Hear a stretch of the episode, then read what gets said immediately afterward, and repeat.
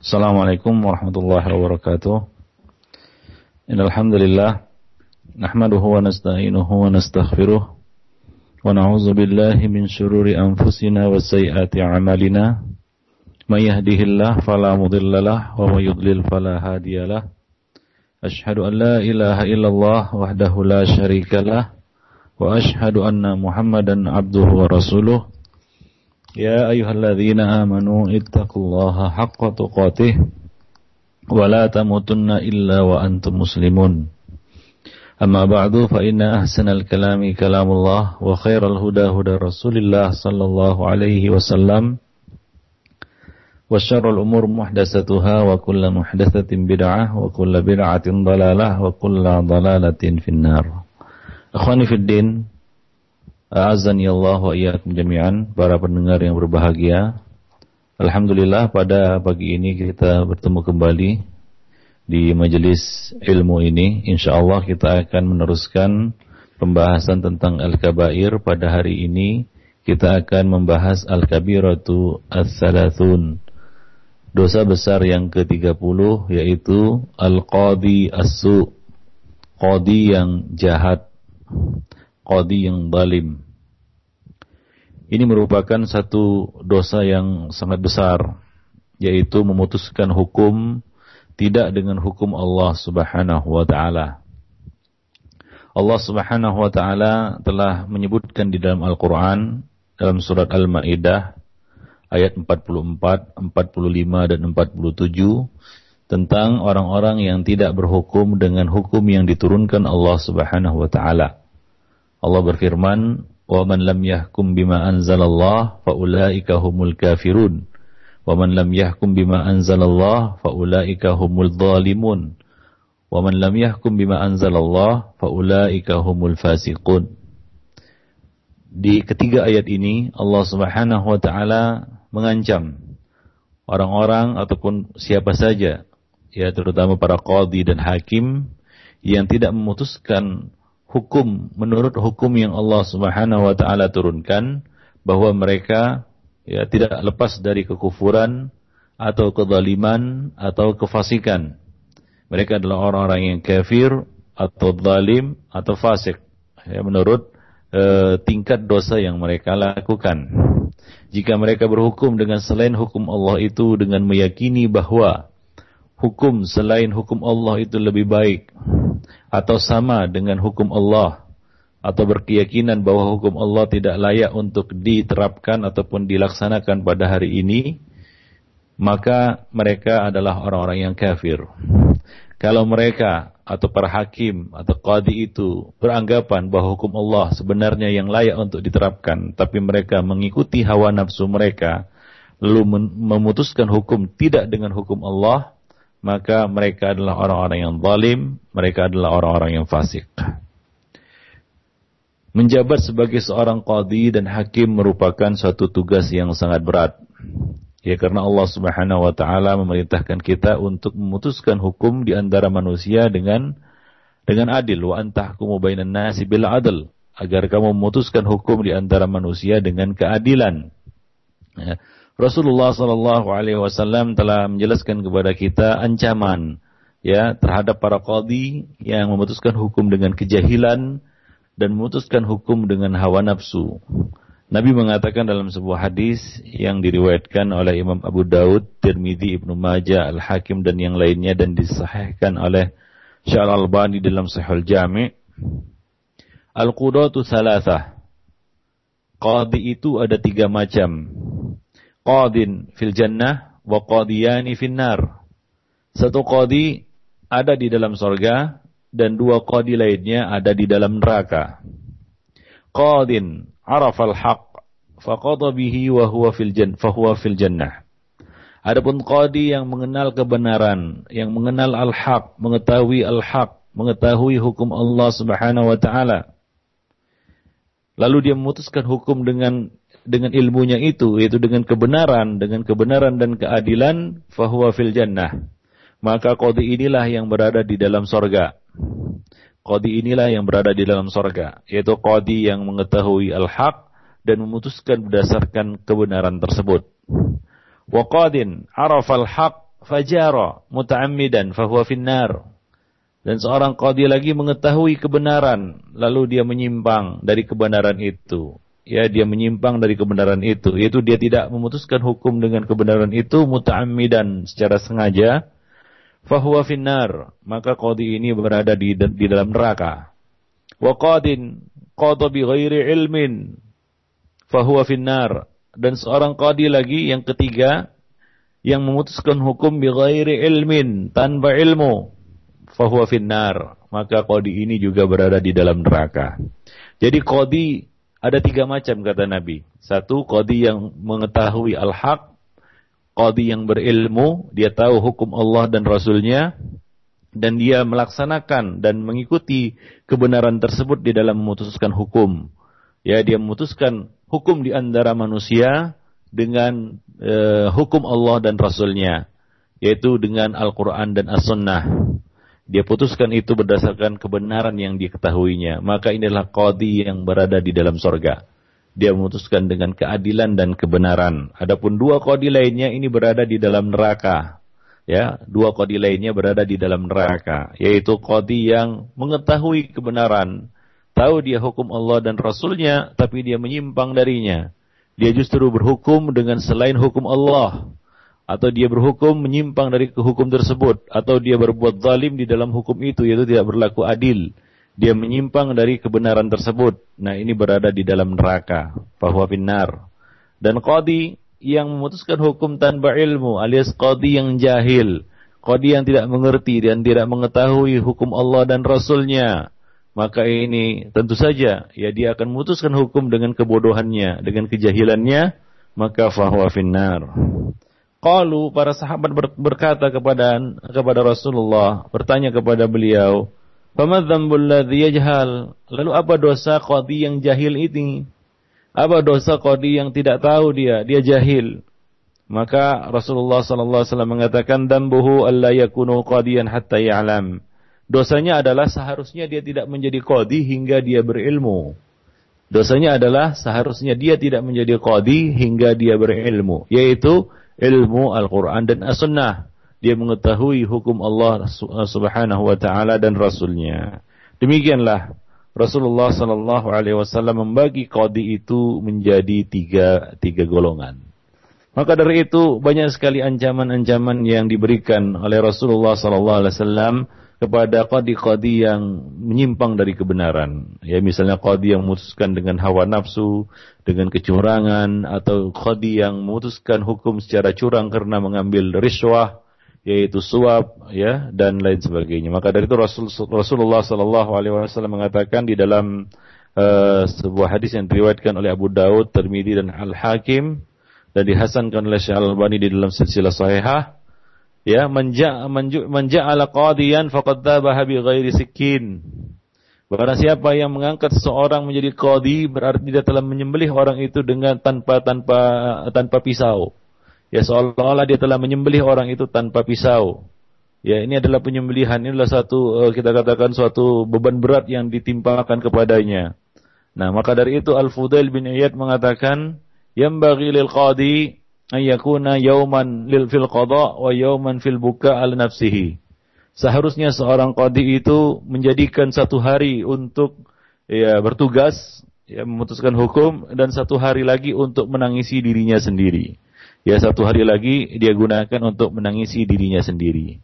Ya jadi ini merupakan suatu eh, kita katakan tugas yang berat. Ya seandainya manusia mengerti dan mengetahui beratnya uh, bertugas menjadi qadi, niscaya mereka akan saling tolak menolak untuk mengambilnya.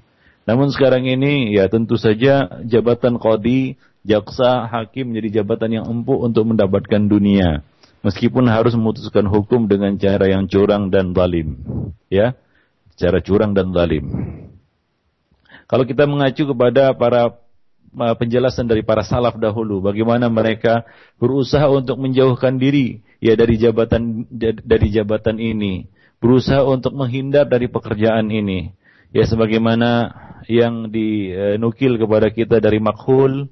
Ya dia mengatakan lau khuyyirtu bainal qada'i wa baina darbu unuqi laqtartu darba unuqi laqtartu darba unuqi.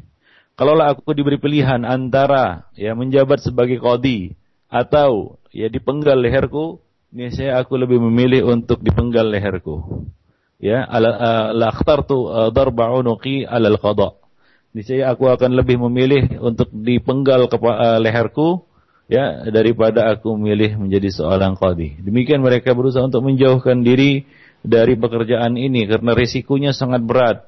Ya apabila dia memutuskan hukum secara curang dan zalim, maka ia telah masuk dalam satu perbuatan yang ya dikategorikan sebagai dosa yang sangat besar, yang ancamannya adalah kekafiran atau kezaliman atau sebuah kefasikan. Ayub As-Sakhtiyani mengatakan, "Inni wajadtu a'laman nas ashaddu ashadduhum haraban minhu." Ya, aku mendapati orang yang paling uh, alim adalah ya asyaddahum haraban minhu ya adalah haraban minhu ya orang yang paling alim orang yang paling tahu orang yang paling dalam ilmunya adalah orang yang paling menjauhi yang paling menghindari jabatan itu yang paling menghindari jabatan tersebut ikhwan fillah para pendengar yang berbahagia ya namun apa yang kita lihat sekarang orang justru bukan menjauhkan diri dan menghindar dari jabatan itu tapi mereka justru berjubel-jubel untuk mendapatkan jabatan itu. Mereka berebut-rebut, ya mereka ya berusaha sekuat tenaga untuk mendapatkan jabatan dan pekerjaan sebagai kodi, sebagai hakim, jaksa dan sejenisnya.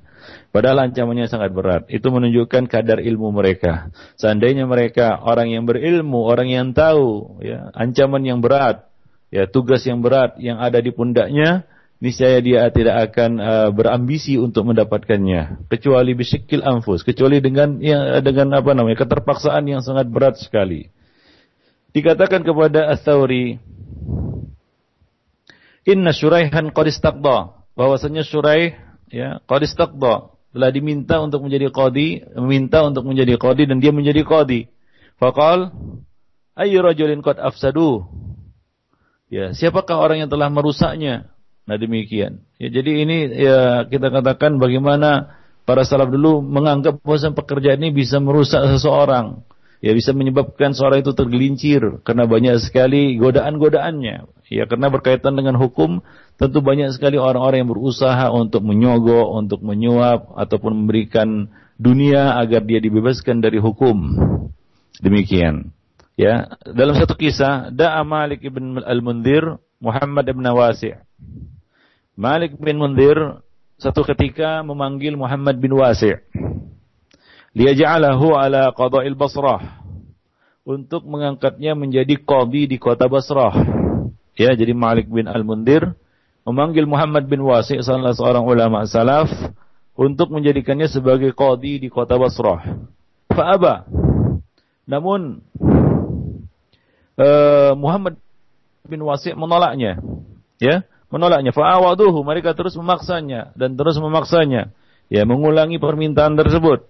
Ya, hingga akhirnya uh, Malik ibn Mundir ya selaku penguasa atau sultan berkata, "La tajlisanna wa illa jalattak." Ya, engkau menjabat uh, engkau mem engkau memegang jabatan ini, engkau pegang jabatan ini atau aku akan mencambukmu. Jadi dia dipaksa, coba lihat, dia terus menolak dan menolak hingga di, dia diancam dengan ancaman seperti ini. Ya, kamu jabat ini atau kamu akan aku cambuk, kata sultan. Ya, nah demikian. Begitu mereka ya menghindari jabatan tersebut, ikhwanifiddin, para pendengar yang berbahagia. Taib, maka Muhammad bin Wasi' pun mengatakan intaf alfa innaka sultan. Kalau engkau melakukan itu, engkau mencambukku, ya aku tetap tidak mau, engkau akan mencambukku, engkau adalah sultan, engkau ber, bebas dan e, berkuasa untuk melakukannya. Ya, fa inna dalil dunya khairun min dalil akhirah. Apa kata Muhammad bin Wasi' setelah itu? Sesungguhnya orang yang hina di dunia itu lebih baik daripada dia hina di akhirat. Ya artinya ya dia rela untuk dicambuk dan apa namanya dianggap hina dengan dihukum ya seperti itu daripada dia harus hina nantinya di akhirat yaitu menanggung beban yang berat nantinya di di akhirat. Demikian ikhwan fillah. Ya Wahab bin Munabbih mengatakan idza hamma al hakim bil jur aw amila bihi. Jika seorang hakim ya berniat untuk melakukan kezaliman aniaya kecurangan atau dia melakukannya maka adkhalallahu naqas ala ahli mamlakatihi maka Allah Subhanahu wa taala akan menurunkan kekurangan atas rakyatnya.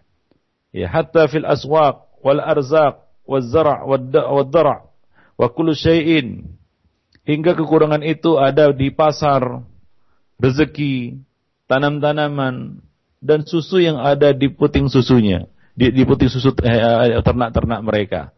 Artinya akan dibatasi dan dikurangi rezeki-rezeki mereka di pasar, ya di pada pada pertanian mereka ataupun pada pada tanam-tanaman mereka dan pada hewan-hewan ternak mereka.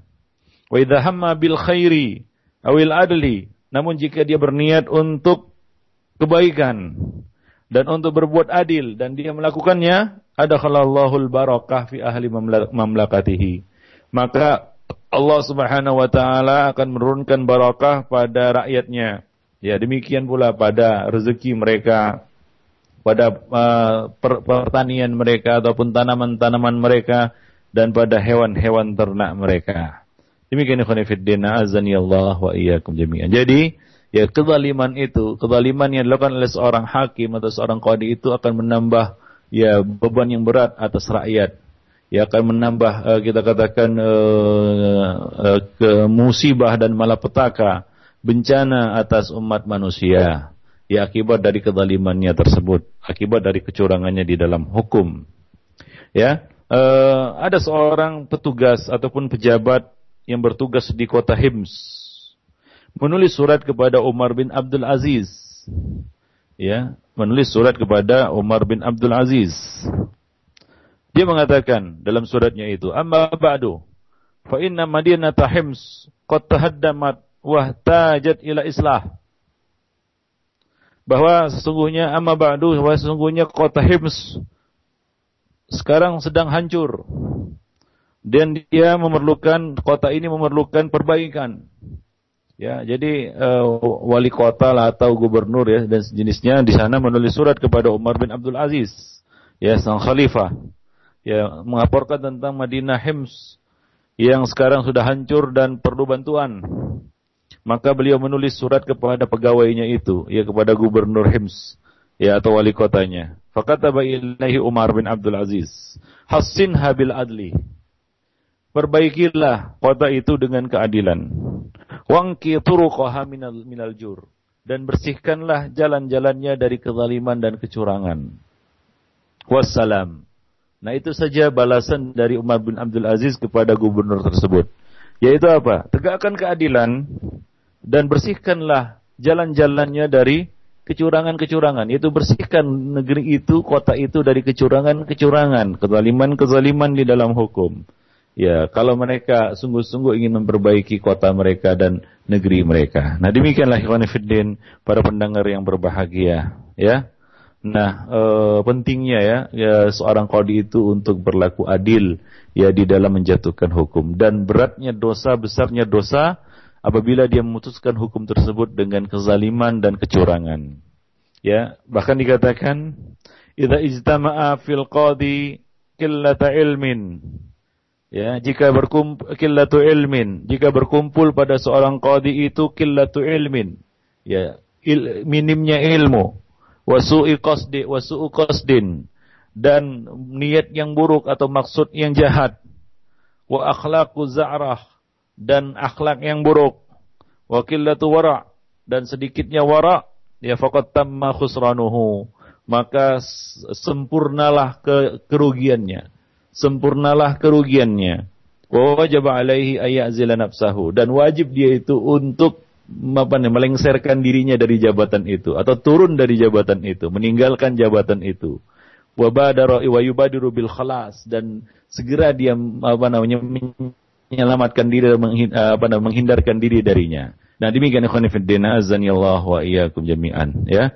Jadi ini merupakan peringatan ya kepada para qadi agar mereka tidak berhukum ya dengan selain hukum Allah Subhanahu wa taala karena itu merupakan suatu uh, dosa besar. Kemudian janganlah mereka berhukum itu dengan kecurangan, dengan aniaya dan kezaliman ya. Termasuk di dalamnya haram ya dia menerima uang suap di dalam menetapkan keputusan ya Ya, Allah Subhanahu wa taala mengatakan di dalam uh, surat Al-Baqarah ayat 100 uh, 188 wala ta'kulu amwalakum bainakum bil batili wa tudlu biha ilal hukam litakulu fariqan min amwalin nasi bil ismi wa antum ta'lamun. Dan janganlah sebagian kamu makan harta sebagian yang lain ya dengan jalan yang batil. Dan janganlah kamu membawa urusan harta itu kepada hakim supaya kamu dapat memakan sebagian daripada harta benda orang lain itu dengan jalan berbuat dosa yaitu dengan menyuap hakim itu hingga kamu dapat merampas hak orang lain, merampas harta saudaramu dengan cara seperti itu. Nah, kemarin juga telah kita sebutkan bahwa ya termasuk karakter orang-orang Yahudi adalah mereka suka memakan memakan suhud. Sama'una lil kadhibi akaluna lis. Orang-orang Yahudi itu suka mendengarkan berita-berita bohong dan banyak memakan harta yang haram.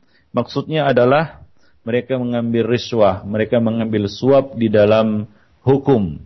Nah, itulah yang mereka lakukan. Mereka suka menerima suap. Nah, itu termasuk as yang, di, eh, yang disebutkan di dalam ayat tersebut. Nah, demikian pula ya Allah Subhanahu wa taala mengatakan wa tara katsiran minhum yusari'una fil itsmi wal udwan wa aqlihimus suhud.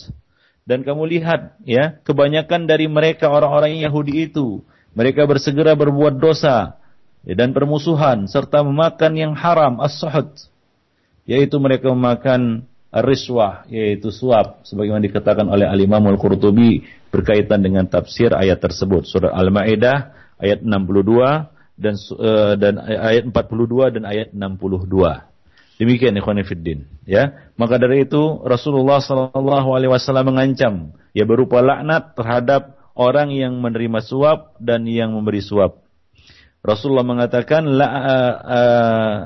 la'anallah ar-rasi wal murtasi. Ya sesungguhnya Allah Subhanahu wa taala telah melaknat penyuap dan yang menerima suap. Demikian juga Abu Hurairah mengatakan la'ana Rasulullah al-rasi wal murtasi. Sesungguhnya Rasulullah sallallahu alaihi wasallam melaknat penyuap dan yang menerima suap. Penyuap dan yang menerima suap. Ya berapa banyak sekarang ini kita lihat praktek-praktek ya kita katakan hakim atau kodi yang menerima suap untuk memuluskan satu hukum yang menguntungkan orang yang memberi suap. Ya, bahkan kita katakan ya sebagaimana yang sering terjadi, mereka memberikan hukum untuk orang yang berduit. Ya, nah padahal itu dilarang itu, yaitu dilarang kita menegakkan hukum hanya terhadap orang yang lemah, tidak terhadap orang yang terpandang. Ya, itu adalah satu perbuatan yang sangat tercela. Bahkan ya kita katakan perbuatan yang bisa mengundang murka Allah Subhanahu wa taala. Ya e, diriwayatkan dari Aisyah radhiyallahu anha bahwa orang-orang Quraisy ya prihatin disebabkan kasus seorang wanita al-Makhzumiyah yang kedapatan mencuri maka mereka berkata siapakah yang berani berbicara kepada Rasulullah namun tidak ada yang berani kecuali Usama orang yang dicintai oleh Rasulullah maka Usamah pun berbicara kepada beliau. Maka Rasul berkata kepada Usamah, Apakah engkau ingin memberikan bantuan untuk menghalangi penegakan hukum Allah?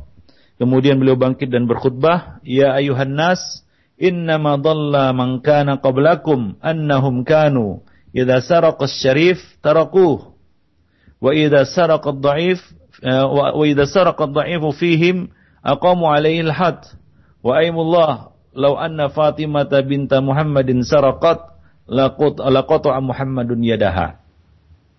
Wahai sekalian manusia, sesungguhnya umat sebelum kalian itu uh, tersesat disebabkan apabila orang-orang yang terpandang kedapatan mencuri, maka mereka lepaskan dari hukuman.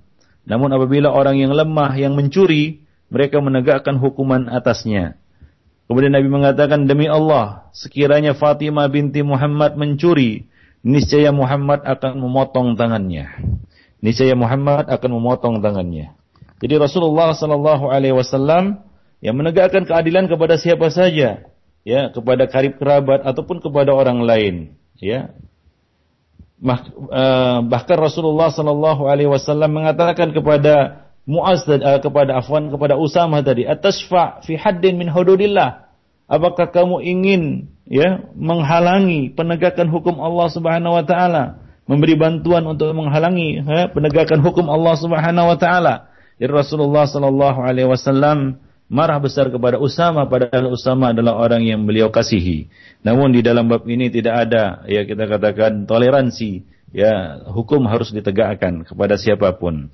Nah demikian pula Ubadah bin Samit radhiyallahu anhu berkata, Rasulullah sallallahu alaihi wasallam bersabda, "Aqimu aqimu hududallah fil qaribi wal ba'id, wa la ta'khudhukum fillahi lawmatu laim." Tegakkanlah hukum Allah Hakimu hududallah fil qaribi wal ba'id. Tegakkanlah hukum Allah atas orang yang dekat maupun orang yang jauh. Janganlah engkau terpengaruh celaan orang-orang yang suka mencela dalam penegakan hukum Allah Subhanahu wa taala. Ya, jadi ikhwan fillah ini merupakan pengharaman yang sangat keras memberikan bantuan dalam masalah hudud. Ya, setelah kasusnya itu disampaikan kepada qadi dan qadi dalam hal ini tidak boleh pilih kasih. Dia harus menegakkan hukum secara adil.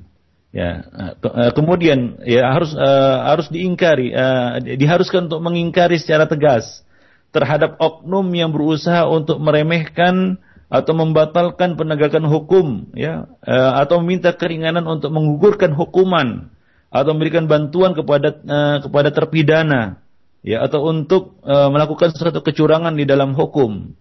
Nah demikian wa iyyakum jami'an. Ya, jadi seorang hakim harus bisa bersi, apa namanya bersikap adil ya di dalam menjatuhkan hukum dan tidak eh, tidak pilih kasih di dalam menjatuhkan hukuman tersebut. Ya tidak pilih kasih di dalam menjatuhkan hukuman tersebut. Ya eh, Rasulullah Shallallahu Alaihi Wasallam mengatakan dalam sebuah hadis yang diriwayatkan oleh Ummu Salamah, ya uh, beliau mengatakan, ya innakum takhtasimuna ilayya, fala'alla ba'du ba'dakum alhana bihujjatihi min ba'd fa'aqdiyalahu ala ala nahwi mimma asma'u minhu faman qata'tu lahu min haqqin min haqqi akhihi syai'an fala fala ya'khudhu fa inna ma aqta'u lahu bihi qit'atun minan nar Sesungguhnya kalian mengajukan permasalahan kalian kepadaku.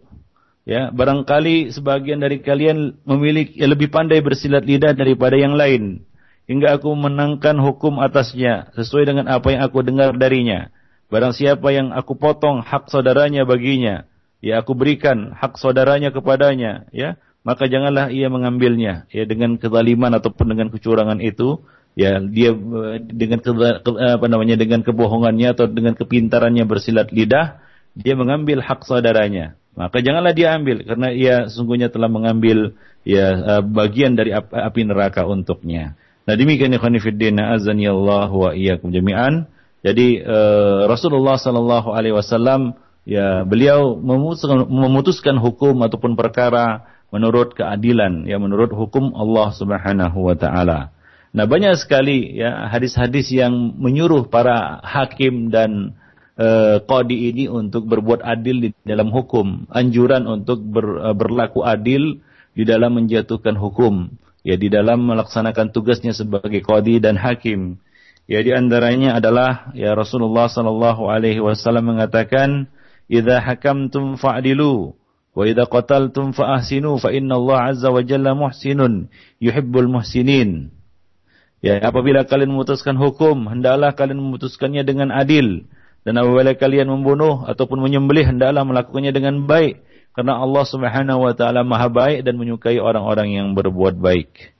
Demikian pula, ya salah satu keutamaan, ya eh, apa namanya, berbuat adil adalah bahwa berlaku adil di dalam memutuskan hukum itu termasuk sadaqah yang akan ditulis dalam timbangan seorang hamba.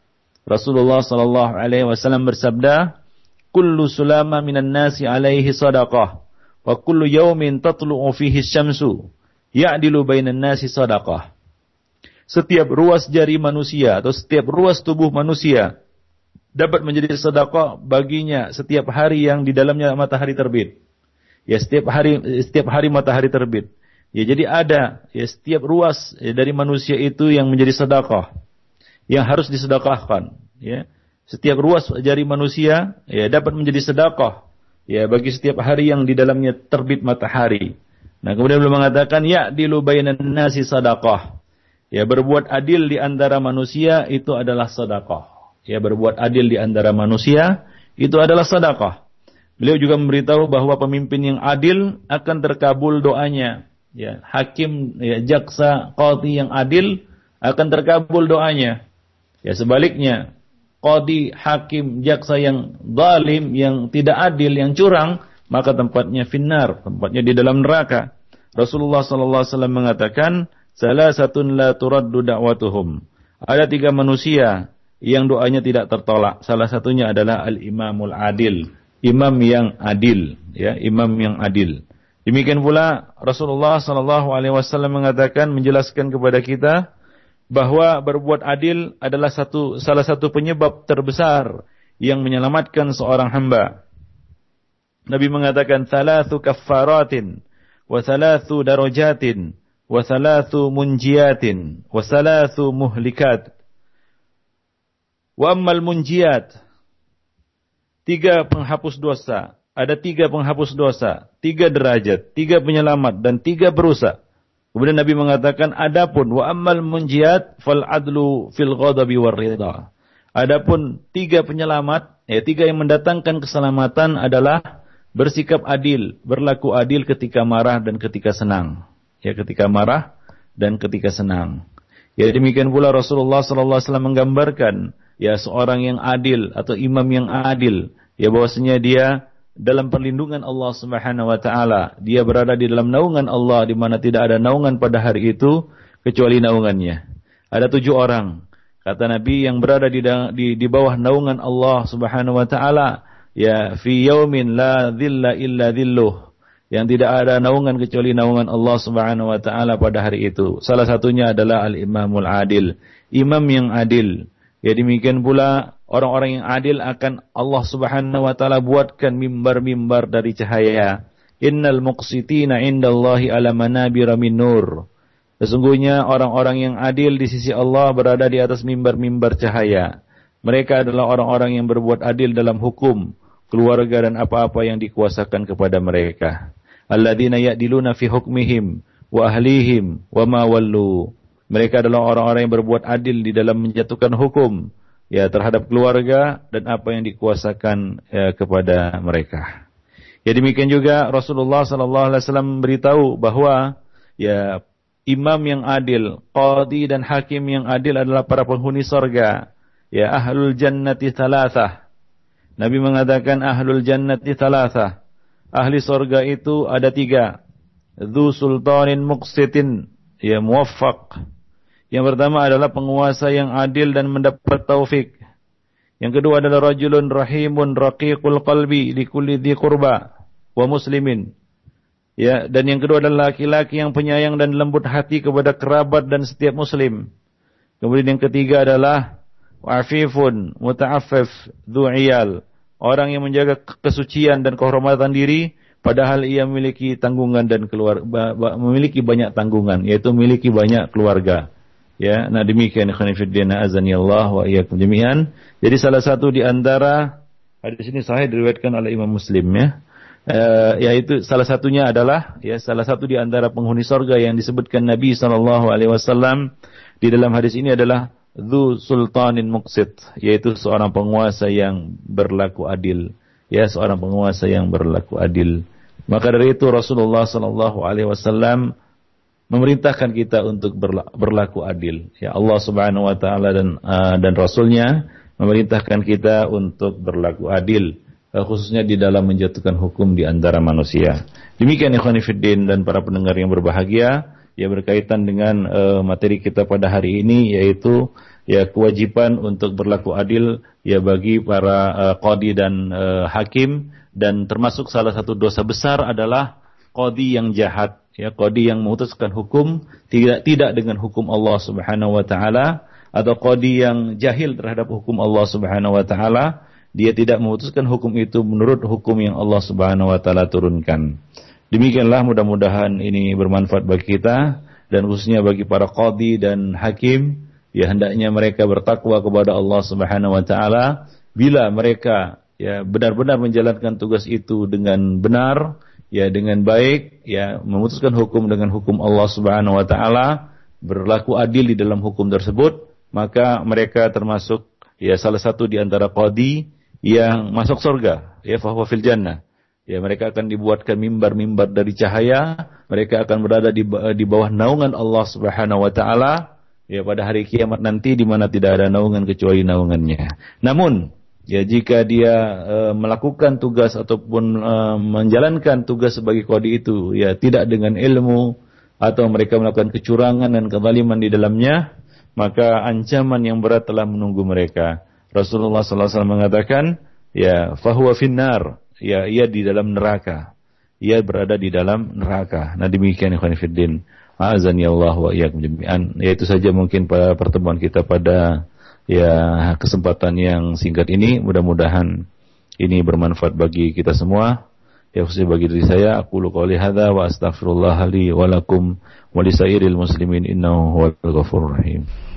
Syukran jazakallahu khairan barakallahu fiik pada Ustaz dan demikian ikhtal iman rahimani wa rahimakumullah pendengar radio Roja di mana pun Anda berada pembahasan yang telah disampaikan oleh Ustaz Abu Isan Al Maidani hafizahullah dari pembahasan dosa besar itu uh, hakim yang tidak berbuat adil.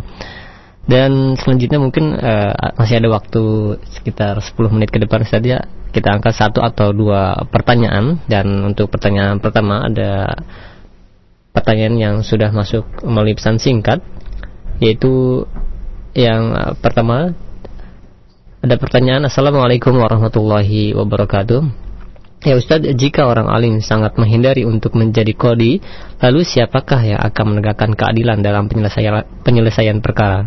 Syukran.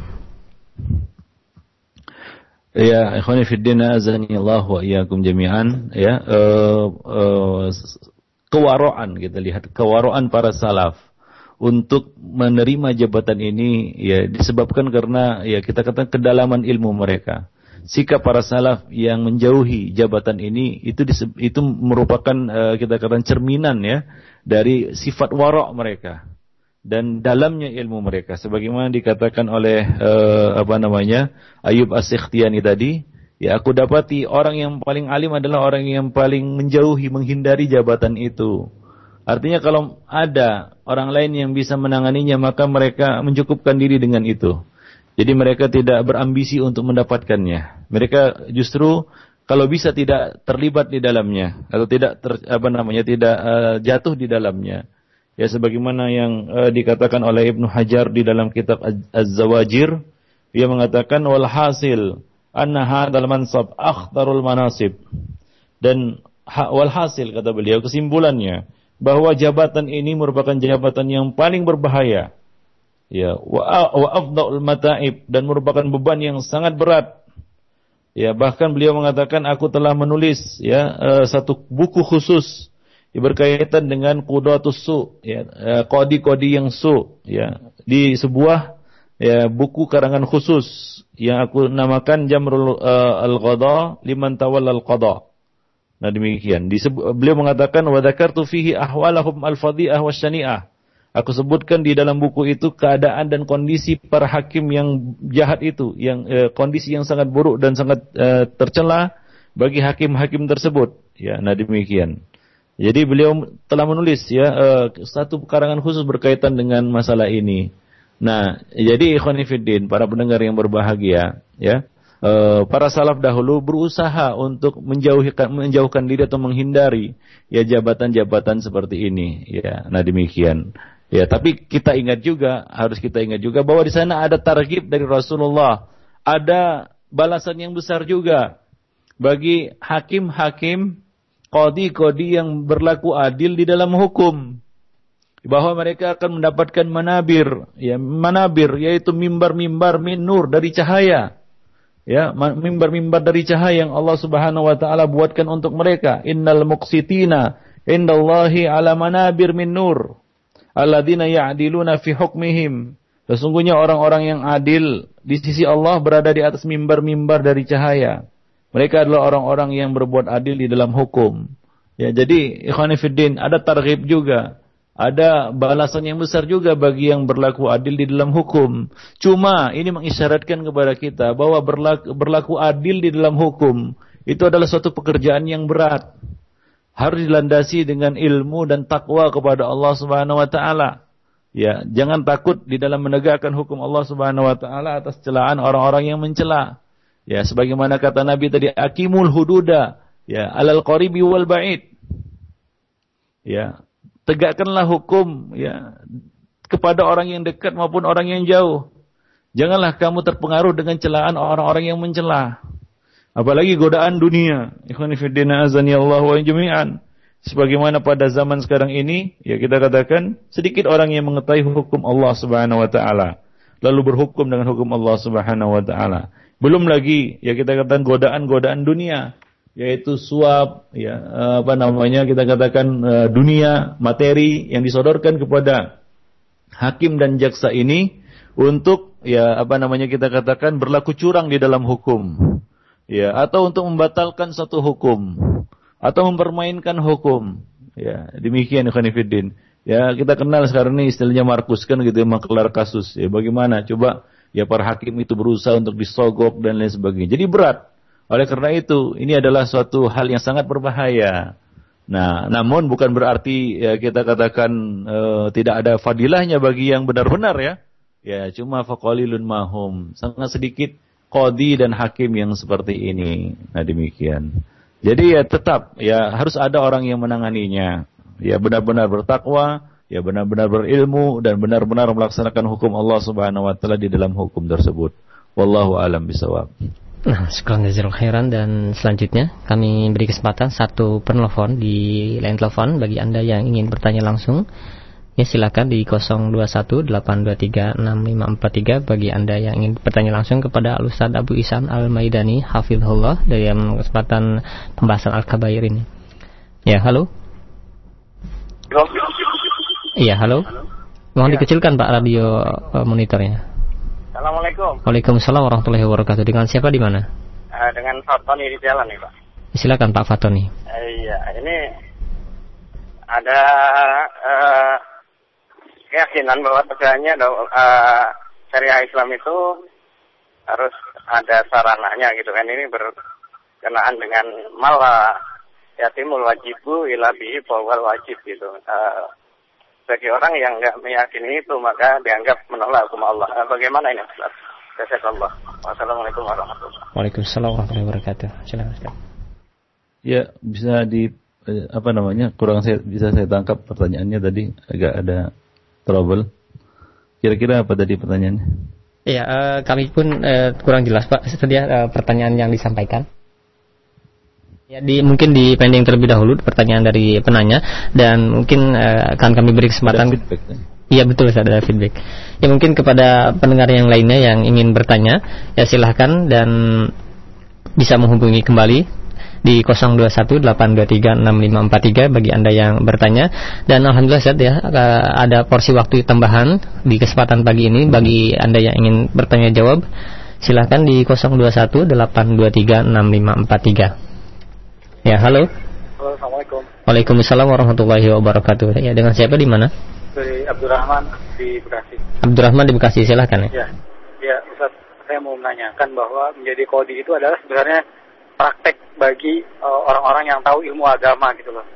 Tapi kenapa uh, kebanyakan dari mereka itu istilahnya khawatir atau takut gitu. Sedangkan kan Allah sendiri berfirman bahwa, uh, bahwa uh, janganlah kamu mengerjakan apa uh, mengatakan apa yang tidak kamu kerjakan.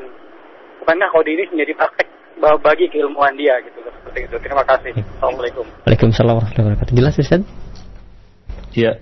Iya. Uh, ya seorang kodi syarat-syarat menjadi kodi itu sangat berat. Ya, pertama tentunya dia harus mengetahui hukum Allah Subhanahu wa taala. Ya, berkaitan dengan uh, hudud ya, hukum-hukum yang uh, berlaku. Sebagaimana yang disampaikan tadi dari hadis uh, Abu Hurairah uh, hadis uh, Buraidah ya, afwan hadis Buraidah ya bahwa orang-orang mengatakan faman fama dzambul ladzi yajhal ya Rasulullah apa dosa qadi yang jahil ini? Dia kan jahil. Lalu menjatuhkan hukum dengan kejahilan. Ya tidak tidak sesuai dengan hukum Allah ya. Ya hukum yang seharusnya begini jadi ya lain kan begitu ya? Seharusnya dipotong tangan pencuri itu jadi hukumnya lain. Ya seharusnya dikisah seorang yang bunuh itu hukumnya menjadi lain. Maka Rasul mengatakan dambuhu dosanya adalah la ya yakuna qadiyan hatta ya'lam. Seharusnya dia tidak menjadi qadi hingga dia mengetahui. hingga dia berilmu bagaimana hukum Allah Subhanahu wa taala berkaitan dengan hukum itu. Kalau dia tidak bisa melakukannya, maka menghindarinya adalah lebih baik. Nah demikian. Misalnya dia tidak memiliki ilmu, atau dia melihat dia tidak dapat menegakkan hukum Allah Subhanahu wa taala di situ. Ya maka dia harus menghindarinya. Ya dia harus mena, apa namanya menarik diri darinya. Sebagaimana dikatakan tadi ya jika telah terkumpul pada diri seorang qadi ya qillatu ilmin minimnya ilmu ya niat yang buruk akhlak yang rusak ya eh, warok yang yang kita sedikitnya warok maka ya wajib alaihi ya'zila nafsah. Seharusnya dia menarik diri dari jabatan ini. Ya dia tidak me, apa namanya me, me, apa, mempromosikan dirinya atau dia tidak mengajukan dirinya menjadi atau menerima jabatan ini untuk dirinya demikian ya karena beratnya ya jabatan ini ya beratnya jabatan ini untuk dipegang Ya, sebagaimana yang telah kita jelaskan eh, tadi ya, eh, riwayat-riwayat dari para salaf, bagaimana mereka berusaha untuk menghindarkan diri dari jabatan tersebut. Nah, jadi hendaknya jabatan ini memang dipegang oleh orang-orang yang bertakwa. Kemudian orang yang berilmu, yang bisa menegakkan keadilan di tengah-tengah manusia, ya, dan tidak takut celaan orang-orang yang mencela, ya, ancaman orang-orang yang mengancam, dan tidak tergoda dengan godaan-godaan dunia di dalam menjatuhkan hukum di antara manusia. Karena kalau ya dia mudah tergoda dengan godaan dunia atau dia takut celaan manusia, ya dia tidak memiliki kekuatan lahir dan batin untuk menjatuhkan hukum, takut kepada ancaman, jahil, maka kemungkinan dia menjatuhkan hukum secara curang, tidak sesuai dengan hukum Allah dan Rasulnya sangat besar.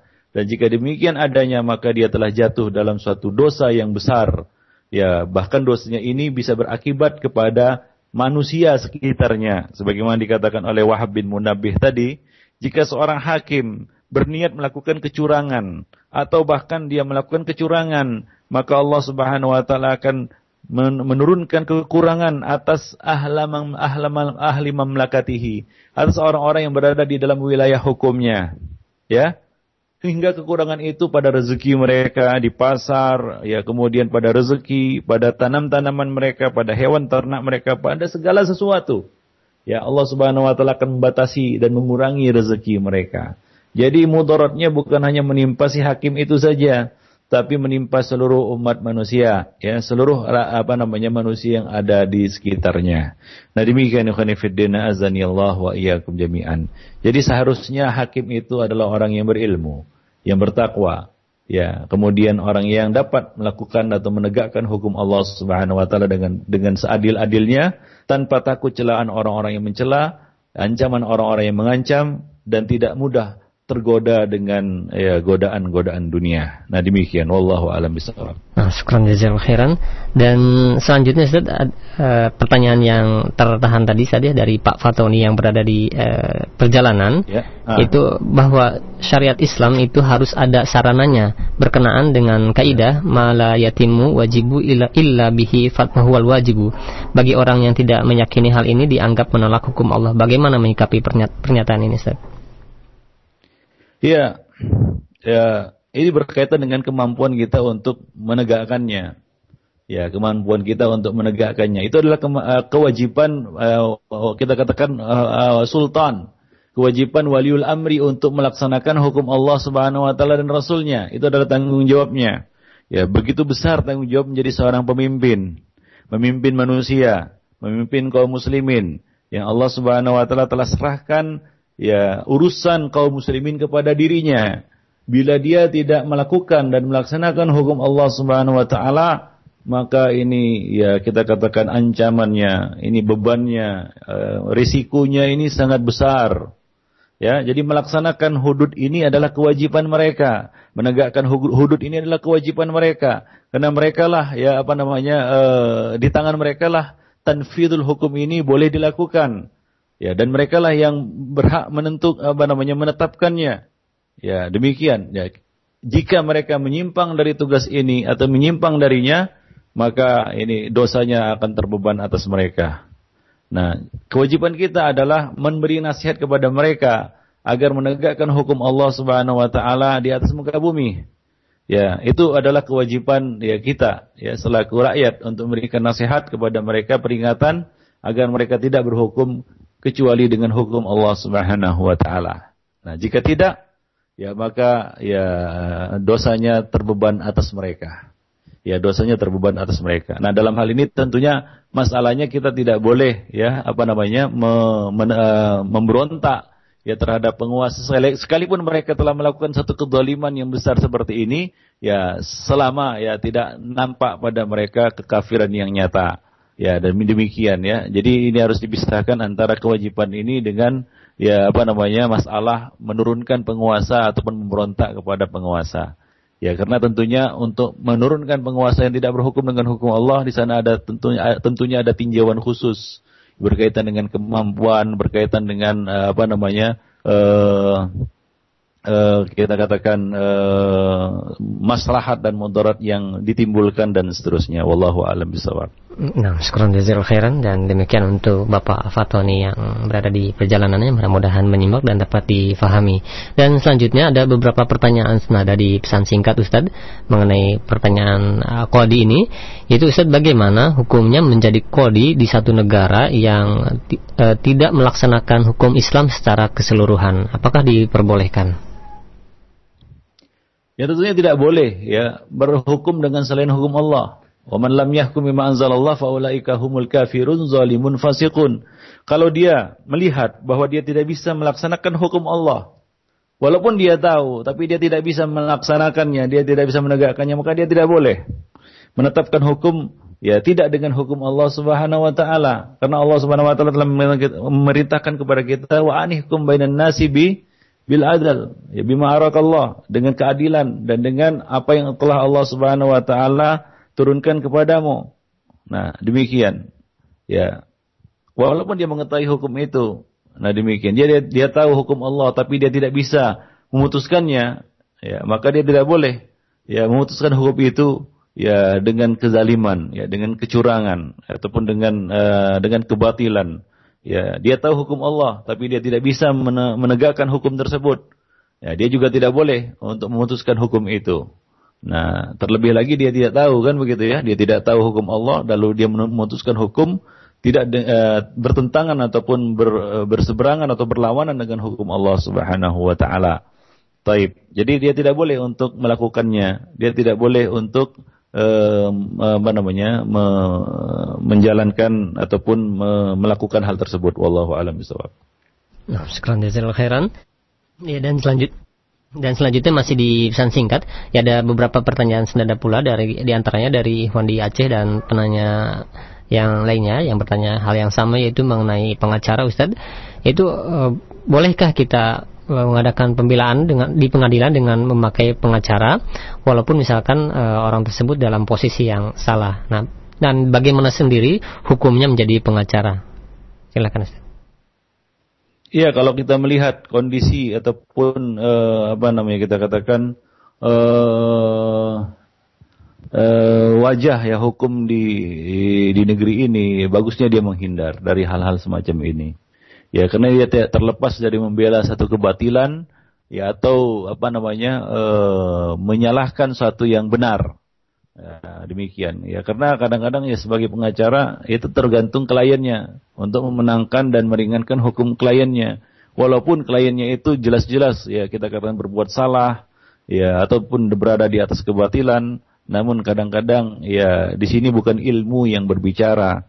Tapi yang berbicara adalah uh, uang. Ya kadang-kadang ya dia disogok ataupun dia di ya dibayar untuk uh, untuk melakukan hal-hal seperti itu dan ini tentunya uh, sebagaimana kata Rasulullah sallallahu alaihi wasallam tadi, ya, Nabi telah mengancam, ya, innakum takhtasimuna ilayya. Ya, kalian mungkin mengajukan perkara-perkara kalian kepadaku kata Nabi. Wala'alla ba'dakum alhana bihujjatihi min ba'd. Mungkin sebahagian dari kamu itu lebih pan, pintar bersilat lidah. Nih, para pengacara itu biasanya ya seperti itu kerjanya. Pintar bersilat lidah. Kan begitu ya? Ya, fa'aqdiyalahu. Kemudian aku menangkan perkaranya. Ala nahwi mimma asma'u minhu. Karena uh, apa namanya alasan-alasan yang uh, di, uh, disampaikannya kepadaku kata Nabi. Faman faman qata'tu min haqqi akhihi. Barang siapa aku menangkan perkaranya dengan mengambil hak orang lain, ya, fala ta'khudh fala ya'khudhu. Maka jangan dia ambil itu. Ya, fa innahu uh, fa inna ma aqta'u lahu bihi qit'atan min nar. Sungguhnya yang aku berikan kepadanya itu adalah ya sepotong dari api neraka. Yang dia ambil dari hak saudaranya itu adalah potongan dari api neraka. Ini ada ancaman ya kepada orang-orang yang mungkin pintar bersilat lidah kemudian dimenangkan perkaranya lalu dia bisa mengambil hak orang lain dari eh, dari dari dari apa namanya dari ah, dari hal tersebut maka Nabi SAW mengancam fa inama ya fa inama fa inama ya'khudhu qit'atan minan nar sesungguhnya yang dia ambil adalah ya potongan dari api neraka wallahu alam bisawab ya, nah, kebanyakan pengacara-pengacara itu ya seperti itu kerjanya jadi dia hindari itu lebih selamat khususnya pada masa sekarang ini wallahu alam bisawab Ya, syukur jazakallahu khairan. Dan selanjutnya kami beri kesempatan kembali bagi Anda yang ingin bertanya langsung di 0218236543 dan sudah ada Bapak yang berada di Jati Rahayu Pondok Gede. Silahkan Pak. Assalamualaikum warahmatullahi wabarakatuh. Waalaikumsalam warahmatullahi wabarakatuh. Dengan hukum Islam dan kondisi negara kita. Saya ada dua pertanyaan. Misalkan saya sekarang kemalingan.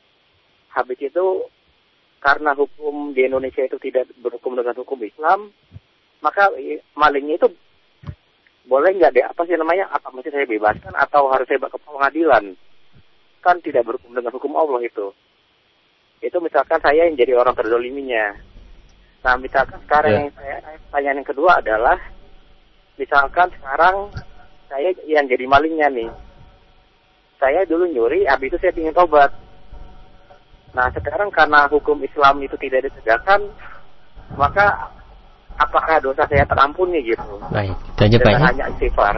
Hmm. Itu aja. Baik. Assalamualaikum warahmatullahi wabarakatuh. Waalaikumsalam warahmatullahi wabarakatuh.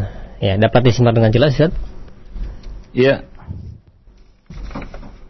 Uh, untuk yang pertama, ya, kasus-kasus ya, yang terjadi di antara manusia ya kasus-kasus kebaliman, ya hal-hal yang kita katakan kejahatan-kejahatan lah.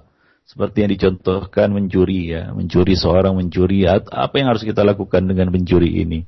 Ya tentunya ikhwan fillah azanillah wa iyyakum jami'an. Pertama, pencurian merupakan suatu kejahatan. Yang kedua, ya tentunya kalau bisa kita selesaikan ya eh, sebelum diangkat kepada hakim maka ini sebenarnya lebih bagus. Ya, kita diselesaikan. Ya eh, sebelum diangkat ke pengadilan sebenarnya itu lebih bagus. Untuk apalagi untuk zaman sekarang ini. Dan dihindari meng, apa namanya eh, menghakimi sendiri. Ya seperti yang dilakukan oleh sebagian manusia. Dia hakimi sendiri pencuri itu. Ada yang dibabak belurkan ada yang di apa namanya ada yang eh, kita katakan dibakar nah ini tidak boleh ya kita tidak boleh mengambil tindakan main hakim sendiri Ya, yang ketiga, ya Afan, ya tadi yang uh, yang terbaik tadi ya, ya adalah kita ya menyelesaikanlah ya masalah ini sebelum diangkat ke hakim. Karena kalau sudah diangkat ke hakim, ya maka harus diputuskan berdasarkan hukum Allah dan Rasulnya. Ya, nah demikian ya. Rasulullah Shallallahu Alaihi Wasallam mengatakan, ta'afu al hudud fima bainakum. Ya, fama balagani min haddin faqad wajaba. Saling memaafkanlah di antara kamu dalam perkara hudud, kata Nabi. Namun apabila kasusnya sudah sampai kepadaku, disampaikan kepada hakim atau qadi, fakat wajaba maka harus diproses. Diproses bagaimana? Menurut hukum Allah dan Rasulnya tentunya. Ya menurut hukum Allah dan Rasulnya. Maka apalagi masa sekarang ini. Kalau bisa ya ta'afu al-hudud. Ya saling uh, damai lah istilahnya sekarang ya cari jalur damai. Ya, itu barang dikembalikan kan begitu ya. Nah uh, dan apa namanya diselesaikan sebelum itu diangkat kepada hakim. Jadi Nabi mengatakan ta'afu al-hudud fima bainakum. Ta'afu al-hudud fima bainakum. Maafkanlah ya untuk uh, saling memaafkanlah di antara kamu dalam perkara-perkara hudud ini ya dalam perkara-perkara hudud ini. Wallahu alam bisawab. Nah kemudian kalau kita pihak yang mencuri, ya kita adalah pelakunya, maka kita harus tahu bahwasanya adalah perbuatan zalim. Ya ada, ada itulah adalah satu kejahatan yang ancamannya berat di dunia maupun di akhirat. Ya dan kita sudah membahas pada pertemuan yang lalu bahwa termasuk salah satu dosa besar adalah mencuri. Nah, jika kita melakukan pencurian, maka bertaubatlah kepada Allah Subhanahu wa taala dengan sebenar-benarnya taubat dan melaksanakan syarat-syarat taubat. Syarat-syarat taubat yaitu menyesali perbuatan kita, kemudian kita apa namanya menghentikan dengan segera perbuatan itu dan tidak mengulanginya, bertekad untuk tidak mengulanginya di masa yang akan datang. Nah, karena ini berkaitan dengan harta orang lain, hak orang lain, maka kita harus mengembalikan secara utuh barang yang kita curi itu. Ya, barang yang kita curi itu kepada yang bersangkutan. Nah, demikian. Bagi yang kecurian, ya kalau demikian, ya ada etikat baik dari pencurinya untuk mengembalikan, ya uh, ada bisa ditempuh jalan damai, maka lebih baik, apalagi zaman sekarang ini, lebih baik ditempuh jalan damai. Ya, nah demikian. Apalagi kalau sudah Nah, zaman sekarang ini ya kalau sudah yang namanya ke eh, di proses itu ya, ya susah itu. Ya, inilah itu dan lain sebagainya. Ya kadang-kadang timbul satu apa namanya uh, uh, kita katakan uh, satu uh, apa namanya pemiu di kanang di tengah-tengah masyarakat ya menang jadi arang kalah jadi abu kan begitu ya ya nah demikian uh, untuk untuk itu ta'afu al hudud fima bainakum ya saling memaafkanlah di antara kamu dalam perkara hudud. Wallahu alam bisawab. Nah, sekarang jazakallahu khairan dan uh, alhamdulillah uh, sudah beberapa pertanyaan diajukan kepada antum Ustaz dan dikarenakan waktu yang sudah habis, mungkin ada satu kesimpulan untuk menutup acara kita di kesempatan pagi hari ini. Ya, para ikhwafiddin azani Allah jami'an. Uh, hari ini kita membahas uh, dosa besar yang ke 30 yaitu qadi asu kodi yang jahat, kodi yang memutuskan hukum ya dengan kejahilan, kodi yang memutuskan hukum tidak dengan hukum Allah Subhanahu wa taala, kodi yang memutuskan hukum ya dengan uh, kecurangan dan kezaliman. Nah, ini termasuk salah satu dosa besar yang berakibat buruk bagi pelakunya ya dan juga uh, bagi orang lain. Ya, demikian. Ya, Rasulullah SAW tadi mengatakan bahwa kodi yang nakal ini, kodi yang jahat ini, ya berada di dalam neraka, ya berada di dalam neraka, yaitu kodi yang tahu kebenaran tapi dia tidak memutuskan dengan kebenaran, ya dan kodi yang jahil, ya yang tidak tahu kebenaran dan memutuskan dengan kezaliman dan kecurangan, maka mereka semua berada di dalam neraka. Demikian pula azani Allah jami'an, praktek-praktek ya kecurangan di dalam menjat, mem, apa namanya menjatuhkan satu hukum. Ya misalnya ya dengan menerima suap, apa namanya pilih kasih di dalam hukum. Ya kemudian juga eh, kita katakan uh, uh, memutuskan hukum ya menurut hawa nafsu ya dan sejenisnya. Nah ini termasuk uh, kita katakan dosa-dosa yang uh, termasuk dosa yang besar yang mendapat ancaman uh, berat bagi pelakunya di dunia dan di akhirat. Namun jangan lupa ada targhib juga ada kita katakan uh, keutamaan juga bagi hakim yang berani ya yang bertakwa lalu berilmu dan berani memutuskan hukum dengan kebenaran. Bahwa mereka termasuk ya apa namanya orang-orang yang berada di bawah naungan Allah. Pada hari dia di mana tidak ada naungan kecuali naungannya. Mereka termasuk orang-orang yang makbul doanya yang mustajab doanya. Dan mereka akan dimuliakan nanti di hari kiamat dengan diletakkan di atas mimbar-mimbar yang terbuat dari cahaya. Dan mereka termasuk salah seorang dari penghuni sorga. Ya Rasul mengatakan tadi ya qadi yang mengenal kebenaran dan dia memutuskan hukum dengan kebenaran itu fahuwa fil jannah. Nah demikianlah ya mudah-mudahan ini bermanfaat bagi kita semua. Lebih dan kurang saya mohon maaf ya tadi ada keterlambatan sedikit kita mulai kajian ini ya mungkin disebabkan satu dan lain hal. Ya demikianlah aku qouli hadza wa astaghfirullah li wa lakum muslimin innahu huwal ghafurur rahim.